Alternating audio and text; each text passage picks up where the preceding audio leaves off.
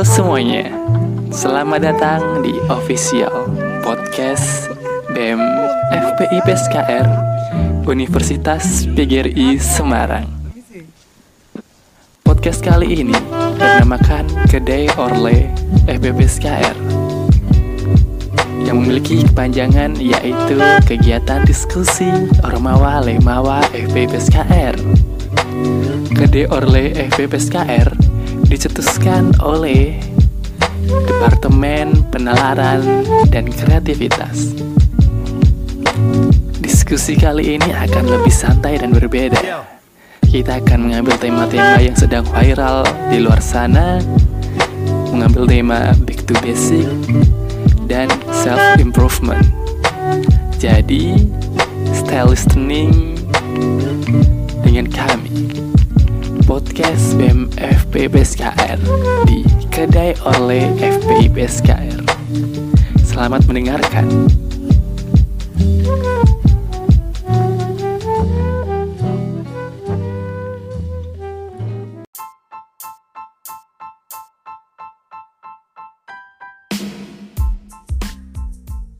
Baik, assalamualaikum warahmatullahi wabarakatuh. Halo guys, selamat siang. Gimana nih kabarnya? Sehat semua kan? Jangan sampai sakit loh, apalagi sakit hati. Hehehe. Kali ini bersama saya Akmal Santoso di kedai Orle FPI PSKR. Nah, siang-siang gini enaknya minum sop buah dikasih susu ditambah keju biar ada manis-manisnya kayak dia gitu. Hehehe. Apalagi sambil dengerin podcastnya BEM FPI PSKR. Hmm. Eits, tapi jangan dulu. Ingat, kita lagi menjalankan ibadah puasa loh. Bagi yang menjalankannya. Jadi ditahan dulu ya minum sop buahnya. Nunggu sampai ajan maghrib dulu guys. Gimana nih guys? Tetap bahagia kan kita menjalankan aktivitas di dalam rumah? Ingat, kita harus stay at home loh. Di tengah kondisi wabah COVID-19 ini. Jangan keluar rumah sebelum ada keperluan yang sangat penting ya guys. Dan jangan lupa juga kita harus memakai masker. Tapi bukan masker yang bisa buat muka kita glowing ya.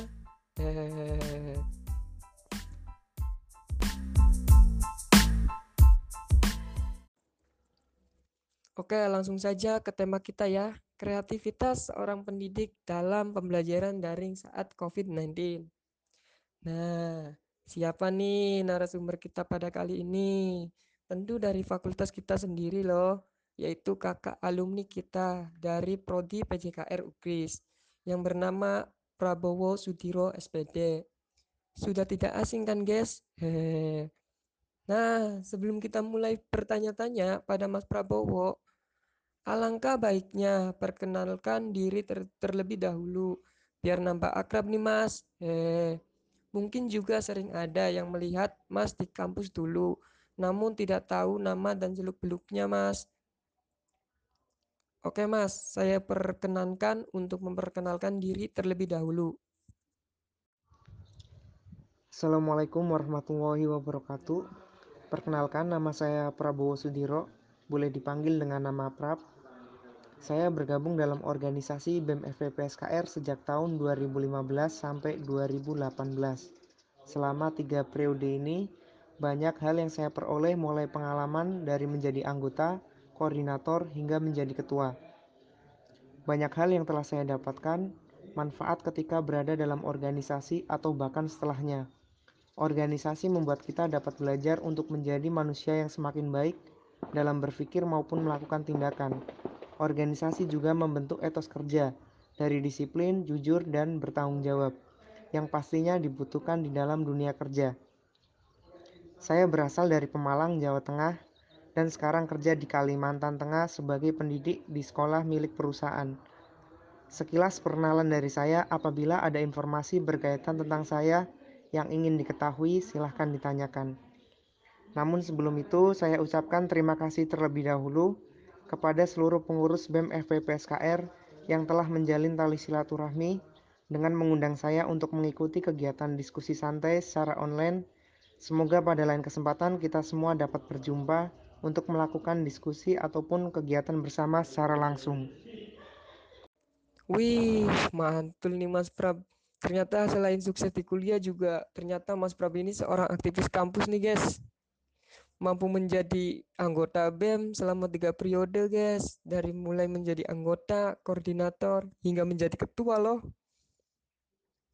Ngomong-ngomong, ini bagi tips lah Mas biar menjadi apa aktivis di kampus yang hebat itu gimana sih Mas? Terus juga ngomong-ngomong kenapa Mas memilih mengajar di luar Jawa ya? Kan sedangkan di Jawa juga banyak pendidikan gitu Mas, banyak sekolah gitu. Kenapa harus keluar Jawa? Baik, di sini saya akan jelaskan kenapa sih saya mengajar di Kalimantan, kenapa sih saya tidak mengajar di Jawa. Alasan yang pertama, ingin menambah wawasan ataupun pengalaman. Jelas saja, kalaupun saya mengajar di Jawa kan saya sudah tahu suasana di Jawa itu seperti apa sih, daerah terpencilnya seperti apa sih. Bukan berarti tidak menantang. Saya pun sebelum ke Kalimantan pernah mengajar di Jawa. Jadi alasan yang pertama menambah wawasan maupun pengalaman. Alasan yang kedua, saya ingin mempraktekkan apa yang saya pelajari di Universitas PGRI Semarang, mulai dari keterampilan pembelajaran, mengajar, mendidik, ingin saya terapkan di sini. Alasan yang ketiga berkaitan dengan histori. Jadi sebelumnya saya pernah melaksanakan magang tiga magang internasional di Malaysia. Nah, di saya di sini juga saya tertantang tertantang untuk mengajar atau menjadi pendidik di tempat yang berbeda. Jadi jangan di Jawa lah, setidaknya di luar Jawa. Nah, kebetulan saya diterima di Kalimantan Tengah. Alasan yang ketiga, di Jawa, kenapa saya milih di Kalimantan tidak di Jawa? Karena waktu saya ngajar di Jawa itu ya berkaitan dengan hasil. Jadi waktu saya ngajar di Jawa itu satu bulan itu gaji seorang guru, guru negeri itu 150 ribu rupiah sedangkan CPNS itu kalau nggak salah sekitar 80% dan untuk menunggu pendaftaran CPNS itu dalam jangka waktu yang cukup lama karena kebetulan saya lulus lebih cepat dan pendaftaran CPNS itu harus menunggu lima bulan yang akan datang jadi untuk menunggu waktu yang lama lebih baik saya cari pekerjaan di luar tempat lah kebetulan saya mendaftar di PT Best Agro sini jadi ternyata kerja di sini itu kurang lebihnya saya merasa nyaman lah untuk hasil untuk mempersiapkan di masa depan yang akan datang. Nah, harapannya nanti dari hasil kerja di sini juga bisa digunakan untuk kembali melanjutkan studi di S2 nanti. Menjadi seorang aktivis itu tidak hanya sekedar nama atau sekedar untuk keren-kerenan saja, tapi menjadi seorang aktivis itu memiliki tanggung jawab di mana kita harus menjaga nama baik kita, serta di mana kita harus menjadi panutan untuk seluruh mahasiswa maupun masyarakat. Jadi jangan sampai orang lain maupun mahasiswa lain yang tidak berorganisasi akan beranggapan organisasi maupun tidak itu sama saja atau beranggapan berorganisasi itu akan membuat dampak jelek pada nilai akademik maupun non akademik. Sebenarnya itu tidak benar. Oleh karena itu di sini saya akan memberikan tips bagaimana caranya menjadi aktivis yang baik tidak cuma baik di organisasinya saja, tapi baik di akademik maupun non akademik.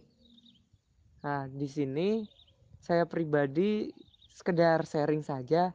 Waktu saya kuliah itu yang saya kejar memang beasiswa. Beasiswa kenapa saya harus mengejar beasiswa? Karena selain meringankan orang tua, kelak nantinya juga bisa menjadi panutan untuk orang lain.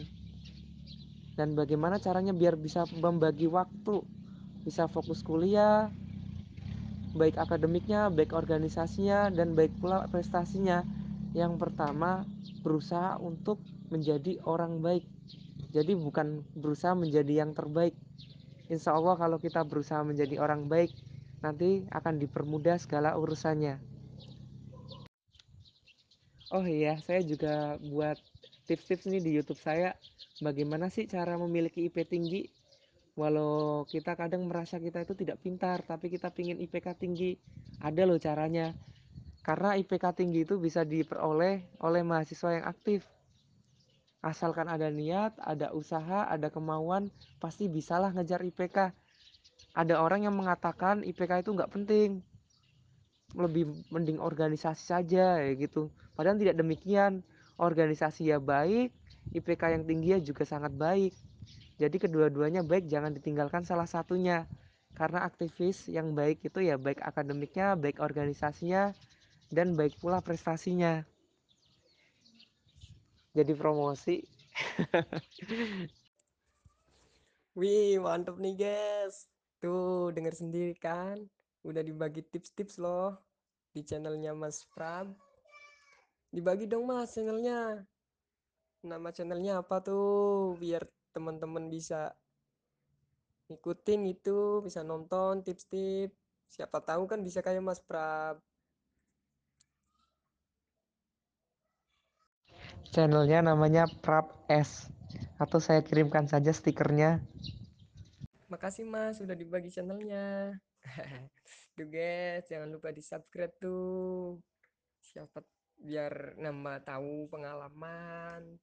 Terus cara-cara gitu biar menjadi aktivis yang hebat itu gimana. Lihat aja langsung ke channelnya Mas Prab. Baik, langsung saja kita ke pertanyaan ya guys. Nah, ini ada salah satu penanya. Dengan adanya COVID-19 ini, pendidikan diliburkan dan dilakukan secara daring. Menurut Mas, hal yang seharusnya guru lakukan saat mengajar di daerah 3T itu harus bagaimana sih Mas? Sedangkan di, di sana kan masih banyak siswa yang belum memiliki sarana digital atau HP. Lah, menurut Mas, itu cara yang tepat itu bagaimana Mas?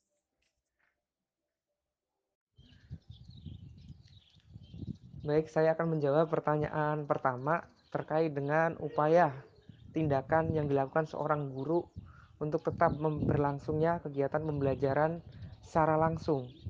Karena tidak dapat pembelajaran dilakukan secara tidak langsung apabila siswa tidak memiliki fasilitas yang memadai seperti elektronik maupun tidak terjangkau oleh sinyal.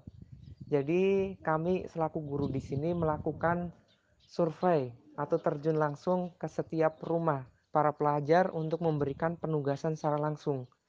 Jadi setiap satu minggu sekali kami memberikan penugasan secara langsung datang ke setiap rumah dari setiap afdeling. Kemudian satu minggu setelahnya kami akan datang ke rumah dan memberikan penugasan yang baru serta akan mengecek apakah penugasan tersebut bisa diselesaikan dengan baik atau siswa mengalami kesulitan. Apabila siswa mengalami kesulitan dan ada yang belum diketahui, maka tugas kami selaku pendidik akan memberikan penjelasan lebih lanjut agar apa ya penugasan yang kita sampaikan ini bisa dipahami, dimengerti dan dikerjakan. Wih, mantap juga nih perjuangan pendidik di Indonesia. Apabila di suatu desa tidak ada yang namanya kurangnya sarana digital atau HP, para guru langsung terjun ke rumah nih guys. Langsung men, apa namanya memberikan tugas ataupun arahan dalam pembelajaran guys. Wah mantap. Terima kasih mas atas jawabannya. Semangat terus mas. Baik terima kasih atas jawabannya ya mas. Kita langsung ke pertanyaan yang kedua pembelajaran daring seperti ini menurut saya tidak efektif karena banyak yang kita ketahui bahwa siswa di rumah 90% bermain dan hanya 10% belajar itu Mas. Menurut Mas, apakah ada cara pembelajaran lain selain daring yang lebih efektif?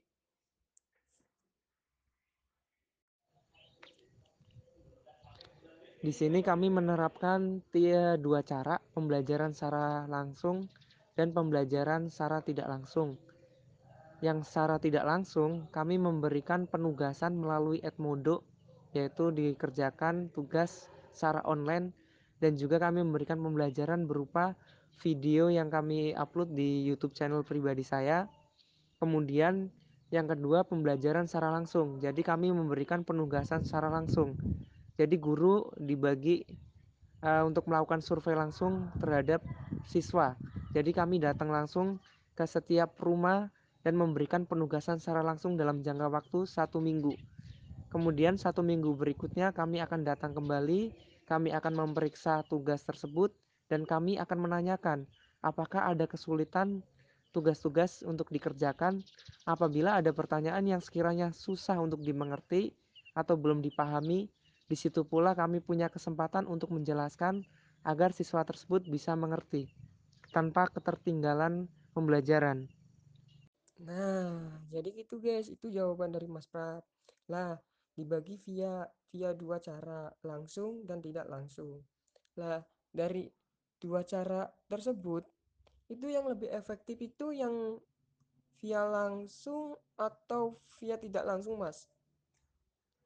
Terus apa selama satu minggu, misalkan siswa itu satu minggu diberi tugas, apakah semua kebanyakan siswa itu mengerjakan atau atau tidak, Mas?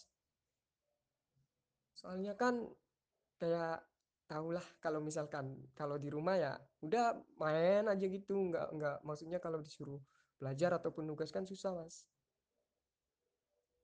Gimana itu, Mas?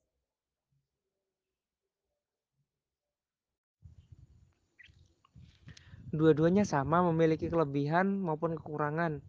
Kalau dibilang kenapa saya mengatakan sama? Yang pertama penugasan secara tidak langsung.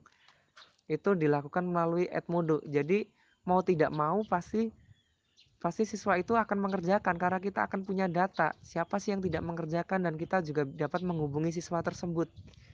Jadi mau nggak mau mereka akan mengerjakan tugas yang dilaksanakan secara tidak langsung.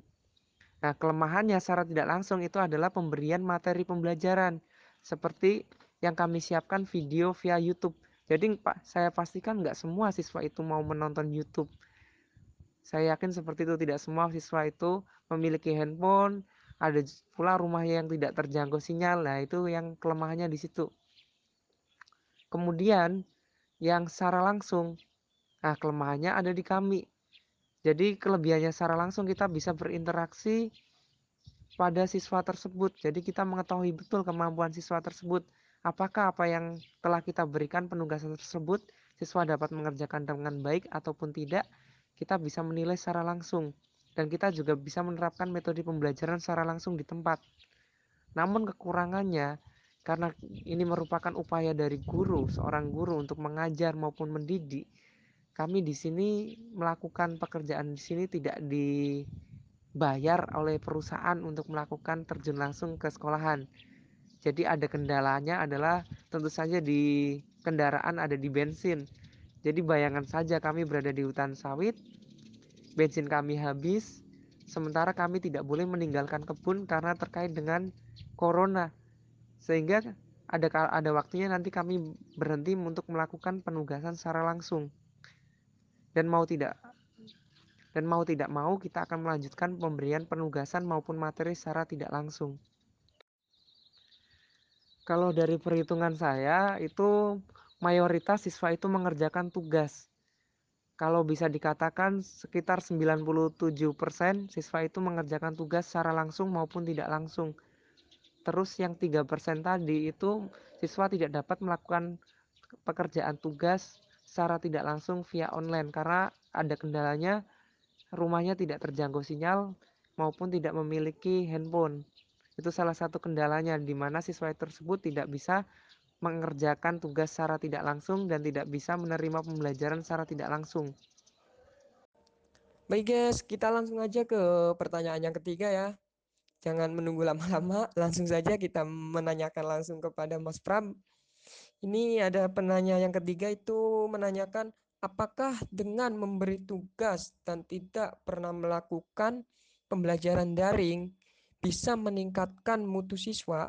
Jika tidak, bagaimana cara kita mengingatkan guru tersebut, Mas? Jadi caranya tuh mengingatkan kepada guru tersebut tuh gimana sih, Mas? Asa jangan misalkan agar guru itu mengerti tidak hanya tugas, tugas dan tugas, melainkan untuk kita membelajar belajar atau mengajari materi melalui daring itu mas silakan mas dijawab Oke, jadi tidak hanya pemberian tugas, memang betul di tempat kami juga memberikan pembelajaran secara tidak langsung seperti yang sudah saya sampaikan sebelumnya yaitu via YouTube. Namun walaupun demikian, di sini kami sesama pendidik juga akan bertanya kepada siswa, adakah dari bagian beberapa mata pelajaran yang mungkin sulit dimengerti maupun tugas yang sulit dikerjakan. Jadi pemberian tugas di sini juga secara tidak langsung akan menimbulkan rasa keingintahuan kepada pelajar khususnya misal nih misalkan saya memberikan pertanyaan yang sekiranya belum pernah saya mengajari mereka maka mereka akan mencari tahu jawaban dari pertanyaan tersebut misal dalam pembelajaran penjas kan tidak hanya pembelajaran itu isinya materi tapi lebih juga pembelajaran secara praktek. Nah misal saya memberikan pemateri baru tentang petang. Apa itu petang? Bagaimana sejarahnya? Kan mereka nggak tahu. Tapi dengan melibatkan permainan tersebut ke dalam pertanyaan yang dijadikan sebuah tugas secara tidak langsung siswa itu akan mencari tahu. Jadi apa itu petang untuk sumber kita membiarkan mereka mencari tahu lewat internet via YouTube maupun yang lain selagi bisa menimbulkan minat keingintahuan pada siswa maupun pelajar ya kami tidak akan dipermasalahkan oleh hal tersebut namun walaupun demikian kami juga bertanya kepada beberapa siswa terkait dengan penugasan maupun pelajaran yang telah mereka terima. Adakah penugasan yang paling sulit? Misal uh, pembelajaran dari matematika. Nah, dari matematika matematika tersebut saya yang telah diberitahu oleh beberapa siswa, maka sebagai sesama pendidik bisa saling mengingatkan. Misal, Bu, ini siswa ini kesulitan dalam mengerjakan penugasan matematika tersebut karena pada waktu pembelajaran belum mengerti bagaimana cara mengerjakannya. Maka siswa eh, maka guru tersebut juga tentunya akan peduli akan menerapkan metode pembelajaran secara khusus. Jadi metode pembelajaran itu diberi, eh, diberikan kepada siswa itu berbeda-beda. Ada siswa yang mudah mengerti dengan metode pembelajaran A, ada juga yang perlu pendekatan secara khusus. Jadi siswa ini menghadapi siswa ini menerima metode pembelajaran itu secara beda-beda, tidak bisa disamakan. Oleh karena itu pentingnya evaluasi bagi seorang pendidik baik dari metode pembelajaran yang diberikan itu tentunya harus berbeda-beda dan kita pun harus memperhatikan perkembangan maupun pertumbuhan dari siswa tersebut. Pemberian tugas secara tidak langsung maupun secara langsung secara garis besar Harapan kami pun tentu saja akan menumbuhkan keingintahuan siswa dalam mencari informasi untuk bisa menyelesaikan sebuah tugas yang telah diterima. Jadi tidak secara jadi secara tidak langsung tentu saja akan meningkatkan mutu dari siswa itu sendiri. Jadi untuk mengingatkan kepada guru terkait dengan evaluasi pembelajaran yang disampaikan ataupun penugasan yang diberikan kepada siswa itu bisa dilakukan secara langsung maupun tidak langsung. Contoh secara langsung mungkin kita bisa melakukan pendekatan secara personil. Misal nih, saya mendekatkan eh, mendekati diri kepada guru agama tapi jauh dari yang lainnya secara personal disampaikanlah bahwa ada beberapa siswa yang mengalami kesulitan pembelajaran tersebut. Nah, itu yang secara langsung kalau secara tidak langsung bisa diingatkan lewat WhatsApp misal saya ngechat Bu ini kok siswa ini katanya kesulitan dalam pembelajaran ini itu eh gitu pasti eh, guru tersebut akan menanggapi dan tentu saja akan memberikan pembelajaran yang terbaik yang akan dilaksanakan secara langsung maupun tidak langsung. Di sini pembelajaran melalui daring juga tidak semua guru mengerti contohnya dalam bidang editing. Misal nih, dalam membuat video pembelajaran kan dibutuhkan perangkat tambahan seperti kamera, mikrofon, lighting, green screen kan tidak semua guru itu bisa membuat di rumah masing-masing. Oleh sebab itu, bagi yang mengetahui tentunya akan mempersiapkan tersebut di sekolahan sehingga kami bisa mempersiapkan sebuah video pembelajaran uh, secara bersama. Kemudian dalam bidang editing tentu bagi salah satu guru yang mengetahui akan memberikan pembelajaran secara langsung sehingga pada awal mungkin salah satu bisa saling bantu bagaimana sih cara kita mempersiapkan sebuah video pembelajaran agar bisa diterima oleh siswa. Nah, tentu di sini kita sebagai seorang pendidik akan bekerja sama mengupayakan agar setiap siswa itu tetap menerima pembelajaran baik secara langsung maupun tidak langsung sehingga dengan adanya COVID ini tidak menjadi alasan di mana guru itu berhenti mengajar tapi tetap saja kita, kami mengupayakan tetap memper, tetap berlangsung pembelajaran tersebut. Nah, tuh guys. Jadi, memberi tugas juga dapat meningkatkan mutu siswa. Terus dalam kondisi seperti ini pun di saat ya ada polemik COVID-19 ini, seorang pendidik pun juga masih tetap berusaha untuk memberi pembelajaran kepada siswanya itu semaksimal mungkin ya, guys. Jadi, lah, semisal nih apa memberikan tugas. Jadi kan Mas Prab kan menyinggung ada tugas secara langsung ataupun tugas tidak secara tidak langsung. Lah, dari dua tugas tersebut itu yang lebih konsisten itu tugas secara langsung atau tugas tidak secara langsung, Mas? Untuk sejauh ini sih kami memberikan tugas baik secara langsung maupun tidak langsung tetap konsisten, belum ada kendala. Adapun kekhawatiran kendala yang akan datang ya seperti tadi terkait dengan bensin dan lain-lain yang akan menghambat penugasan secara langsung. Tapi sejauh ini kami tetap melaksanakan atau pemberian tugas maupun materi secara konsisten baik secara langsung maupun tidak langsung. Tuh guys, dengar sendiri kan. Bagaimana sih perjuangan seorang pendidik itu? Walaupun dalam kondisi polemik seperti ini, pendidik mampu konsisten untuk memberi tugas ataupun pelajaran pengarahan kepada siswanya agar lebih baik.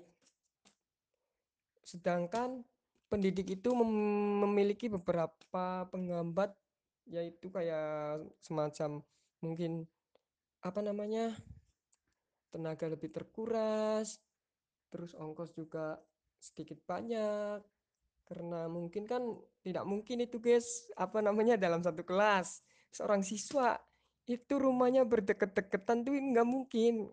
Otomatis kan satu di sini, satu di sana, itu memerlukan jarak lagi, memerlukan tenaga lagi, memerlukan bensin lagi, itu kan gitu guys. Jadi ya itu sudah menjadi apa namanya resiko seorang pendidik juga sih.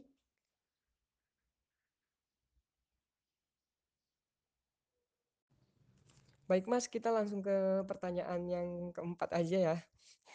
Di sini pertanyaan yang keempat ini menyinggung tentang kurikulum pendidikan guys. Di mana dengan kurikulum pendidikan yang ada pada saat ini, bagaimana mestinya peserta didik dan guru dalam menjalankan KBM di rumah dengan segala keterbatasan yang ada, Mas. Jadi di sini bagaimana sih guru melaksanakan kurikulum pendidikan di dalam rumah dengan KBM dan keterbatasan yang ada? Pertanyaan ini cocok untuk kita para calon pendidik nih, Mas. Eh. Jadi yang namanya seorang pendidik itu kan memiliki perangkat pembelajaran ada prota program tahunan maupun promes program semester di mana agenda materi pembelajaran di setiap per bulannya itu sudah tertata. Nah, jadi adapun Covid maupun tidak, saya rasa tidak akan menjadi permasalahan untuk tetap melanjutkan pembelajaran tersebut. Cuman perbedaannya hanya terletak per pembelajaran yang dilaksanakan saat ini dilaksanakan secara terpisah atau tidak dilaksanakan secara bersama. Jadi tetap bisa dilaksanakan secara langsung maupun tidak, akan tetapi ya hanya sasarannya terhadap beberapa siswa tidak mungkin dikumpulkan seperti biasanya. Jadi contohnya seperti ini. Misal bulan ini, di bulan Mei ini agenda pembelajarannya adalah mengacu ujian nasional untuk kelas 9 sudah tidak dibebankan lagi pembelajaran untuk yang kelas 8 materi di pada bulan Mei. Ini misal berbicara tentang materi renang. Kan tidak mungkin nih kita laksanakan pembelajaran secara langsung karena ada covid ini. Tapi bukan berarti materi yang akan diberikan kepada pelajar itu di luar kurikulum. Karena kita tetap dapat memberikan pembelajaran secara tidak langsung. Contohnya penugasan tentang uh, coba jelaskan bagaimana caranya melakukan renang gaya bebas. Nah, maka murid-murid pun akan mencari referensi mulai dari YouTube untuk mengetahui bagaimana cara melakukan prakteknya, maupun lewat Google bagaimana tahapan melakukannya. Jadi mereka tetap akan dapat belajar secara tidak langsung lewat via internet seperti itu. Jadi adanya COVID ini tidak tidak serta-merta merusak rancangan pembelajaran seorang guru. Karena bagaimanapun juga seorang guru itu sudah menata program tahunan, program semester, dan itu pun sudah sesuai dengan silabus yang ada. Tinggal bagaimana caranya guru itu mengemas pembelajaran secara tidak langsung dengan baik. Oleh karena itu, keterampilan maupun kreativitas guru itu sangat diperlukan. Dan sebenarnya guru-guru di sini juga sudah terbiasa dengan keterbatasan yang ada mulai dari sarana prasarana tapi tidak menutup kemungkinan pembelajaran tetap dilaksanakan. Ya, contoh saja karena bidang saya dalam bidang olahraga. Semisal nih, pembelajaran bola basket. Ternyata bolanya ada, bolanya ada dua, tapi kita tidak memiliki ringnya. Kita tidak memiliki tempatnya untuk bermain basket. Tapi bukan berarti pembelajaran itu tidak bisa dilaksanakan. Tetap saja bisa dilaksanakan, kita bisa mengajari uh, teknik dasar mulai dari dribbling, passing dan sebagainya. Terus bagaimana cara memperlihatkan dalam bentuk pertandingan? Ya, kita bisa menontonkan dalam bentuk video. Namun karena masih musim Covid tidak bisa dilaksanakan secara langsung dalam serentak, maka pembelajaran bisa dilaksanakan melalui penugasan. Penugasan mencari informasi via internet, via YouTube, penugasan dengan memberikan pertanyaan di mana mereka harus mencari jawaban dan menunjukkan bahwasanya mereka telah berusaha dan telah mendapatkan jawaban dari pertanyaan tersebut. Nah, jadi gitu guys. Adanya COVID-19 ini tidak merusak rancangan pembelajaran guru ataupun KBM yang berlangsung karena ya tadi kan sudah sudah dijelaskan bisa secara langsung ataupun bisa secara online atau daring cara mengajarnya karena seorang pendidik sudah sudah merancang program tahunan, program semester, itu juga sudah sudah sesuai dengan ini guys, sudah sesuai dengan silabus guys. Jadi tidak terlalu apa namanya me, mengaruhi lah Nah, gini Mas, contoh ya, ini kan dengan adanya COVID-19 ini kan kita contoh aja kelas 3, kelas 3 SMA. Itu kan tanpa ujian namun dinyatakan lulus serentak. Nah, menurut menurut pendapat Mas Mas itu bagaimana menurut pendapatnya? Tanpa adanya COVID pun saya sudah mendapatkan kabar bahwasanya mulai tahun depan ujian nasional memang akan dihilangkan tapi bukan berarti nanti dalam upaya pemerintah itu tidak melaksanakan semacam ujian untuk menilai uh, mulai mutu dari setiap sekolahan. Akan tetapi kemungkinan kelulusan memang akan berpusat pada sekolah masing-masing. Dan tidak menjadi masalah karena bagaimanapun juga untuk kelas 9, kelas 9 SMP maupun kelas 12 SMA itu kan mereka sudah melaksanakan pembelajaran mulai dari kelas 10 sampai kelas 12 untuk yang SMA maupun kelas 7 sampai kelas 9 untuk yang SMP sehingga untuk nilai ada di raport mereka itu mereka sudah memiliki nilai tersebut. Jadi dengan adanya UN maupun tidak saya rasa tidak akan menjadi masalah karena bagaimanapun juga masyarakat pun e, mayoritas sependapat bahwasanya ujian nasional yang menentukan kelulusan siswa itu e, sangat apa namanya sangat tidak disukai oleh masyarakat.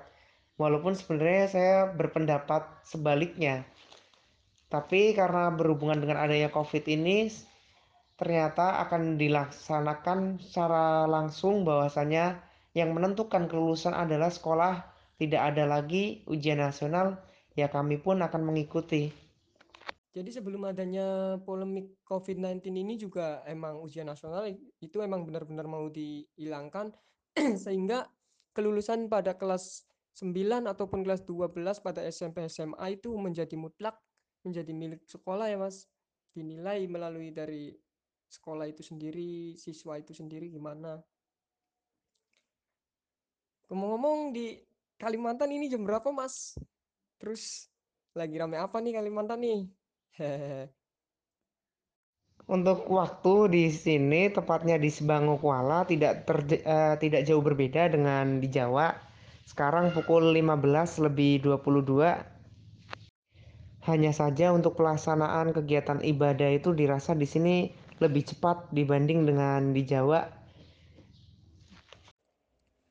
Oh, jadi perbedaan waktunya itu tidak terpaut lama, Mas. Di sini tuh di sini jam 15.25. Di sana jam 15.22. Hanya 3 menit berarti loh, guys. Terpaut 3 menit dari Jawa, guys.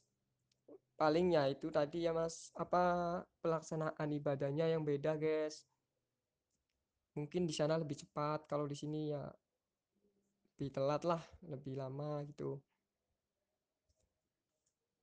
Di Kalimantan ud- udah mau berapa bulan Mas di Kalimantan? Betah di Kalimantan ya Mas?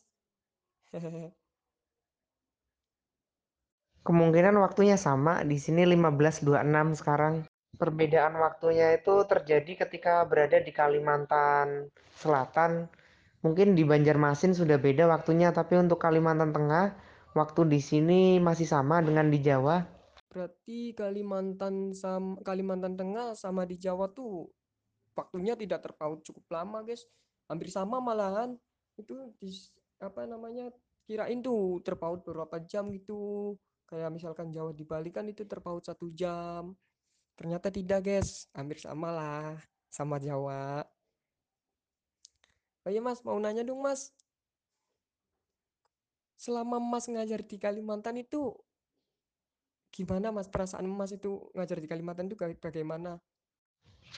Sebenarnya sih saya tidak begitu khawatir ketika mau ngajar di luar Jawa, akan tetapi orang-orang sekitar itu justru memberikan pengaruh yang buruk. Contohnya memberitahukan tentang mitos-mitos yang negatif lah. Kalau udah jadi orang Kalimantan nanti nggak bakal balik ke Jawa. Terus tentang mitos-mitos di sini banyak lah apalah biar nggak berangkat ke sini. Tapi nyatanya ketika sudah sampai di sini ya yang namanya mitos ya cuma mitos, nggak jadi fakta. Terlebih yang terpenting di mana pun tempatnya ya kita harus berhati-hati. Tetap menjaga sikap, perkataan maupun perbuatan. Namun suka dan duka ya tetap ada. Karena bagaimanapun juga mengajar di sini dengan di Jawa ya berbeda. Karena saya ditempatkan di tengah hutan sawit. Setuju Mas sama pendapat Mas. Kalau kita mempunyai niat baik, kenapa tidak dilakuin itu? Kenapa harus takut? Orang kita mempunyai niat baik. Lah, itu ditempatkan di tengah hutan sawit. Berarti jauh dari permukiman warga gitu, Mas. Kalau pemukiman warga setempat yang di mana warga asli sini memang jauh, tapi bukan berarti di sini sepi karena di setiap sawitan itu didirikan sebuah afdeling yang berada seperti perumahan yang disediakan oleh perusahaan. Jadi banyak karyawan, staf di sini juga banyak. Ibaratnya seperti sebuah desa tapi bentukan perusahaan lah. Seperti perumahan-perumahan. Nah, jadi setiap titik-titik itu disediakan rumah atau dibuatkan rumah oleh perusahaan untuk ditempati karyawan biar bisa bekerja di areanya. Jadi kalau dibilang sepi ya tidak terlalu sepi, dibilang rame ya tidak terlalu rame. Ya sedang-sedang saja. Oh, jadi kayak perumahan tapi dibentuk dibentuk dari pihak PT gitu ya, Mas. Jadi penghuninya tuh kayak pegawai-pegawai PT tersebut. Ya, bisa aja Mas Prab sukanya yang sedang-sedang nih, guys. Oke, guys, kita lanjut lagi ke pertanyaannya. Maaf ya tadi melenceng, kepo-kepo sedikit sedikit lah tentang Mas Prab. Gimana sih di sana? Apa di sana ramai? Apa nyaman di sana? Pembelajarannya enak enggak? Terus jamnya jam berapa di sana? Baik, kita lanjut ke pertanyaan yang terakhir yaitu ke pertanyaan yang kelima. Bagaimana cara guru apabila ada siswa yang protes tentang pembelajaran daring? Dan bagaimana cara meningkatkan semangat siswa? Nah, ya nih Mas, kadang-kadang kayak gini Mas, kadang ada yang berprinsip tuh, wah daring lah males. Tugas-tugas dan tugas, hanya tugas dan tugas. Ya itu siswa berpikiran gitu sehingga siswa itu udahlah slow aja tugas itu hanya tugas. Dan yang dia pikirkan kan hanya main-main dan main. Nah, itu cara meningkatkan semangat siswa itu bagaimana sih, Mas? Agar mau mengerjakan tugas, mau belajar daring gitu, Mas. Sejauh ini sih belum ada yang protes terkait dengan pembelajaran secara tidak langsung atau lewat daring ini. Tapi apabila nanti ada siswa maupun orang tua yang protes terkait dengan berlangsungnya pembelajaran maupun pemberian tugas yang dianggap atau dirasa telah memberatkan siswa, tentu saja kita akan menanggapinya dengan baik, menjelaskan dengan baik, dan tentu saja akan mencari solusi yang baik. Kemudian terkait dengan upaya pemberian semangat kepada siswa, kami akan memberikan apresiasi terhadap siswa, baik yang bagus akademiknya, non-akademiknya, maupun kedisiplinannya. Jadi kami di setiap semester itu akan memberikan penghargaan. Misal nih, siswa terrajin, terpandai, terdisiplin, dan sebagainya akan diberikan sebuah hadiah atau sebuah apresiasi dari kami, dari wali kelas maupun dari guru. Dan tidak hanya itu, pada waktu pembelajaran berlangsung pun kadang untuk meningkatkan minat pada siswa tersebut, kami pun pada praktek pembelajaran tersebut kita adakan permainan maupun pembelajaran. Jadi kadang guru itu mengajar atau memberikan pembelajaran itu melalui permainan di mana akhir permainan itu akan memberikan berupa hadiah bisa bingkisan makanan lah untuk untuk sekelompok orang maupun individu. Tapi yang jelas untuk agenda setiap semester itu setiap wali kelas itu akan mencatat apresiasi atau prestasi yang diperoleh oleh siswa baik akademik, non-akademik, maupun dari kedisiplinan, kerajinan, dan sebagainya itu selalu kami berikan apresiasi sehingga kami harapkan akan meningkatkan minat pada pelajar untuk belajar lebih giat lagi. Wih, mantap nih guys. Caranya perlu dicoba ini untuk kita para pendidik dengan memberi reward ataupun hadiah kepada siswa setiap tahunnya saat kenaikan kelas. Itu kan menjadi suatu dorongan untuk siswa mau menjadi lebih baik ataupun berusaha menjadi yang lebih terbaik di dalam kelasnya dan mendapatkan reward tersebut guys. Oke mas terima kasih untuk sharing-sharingnya kali ini. Semoga sharing-sharing kali ini dapat membawa wawasan mahasiswa khususnya bagi kita calon para pendidik Apabila ada kesalahan, saya mohon maaf sebesar-besarnya, Mas. Apabila topik walidaya, wassalamualaikum warahmatullahi wabarakatuh. Oke, waalaikumsalam warahmatullahi wabarakatuh.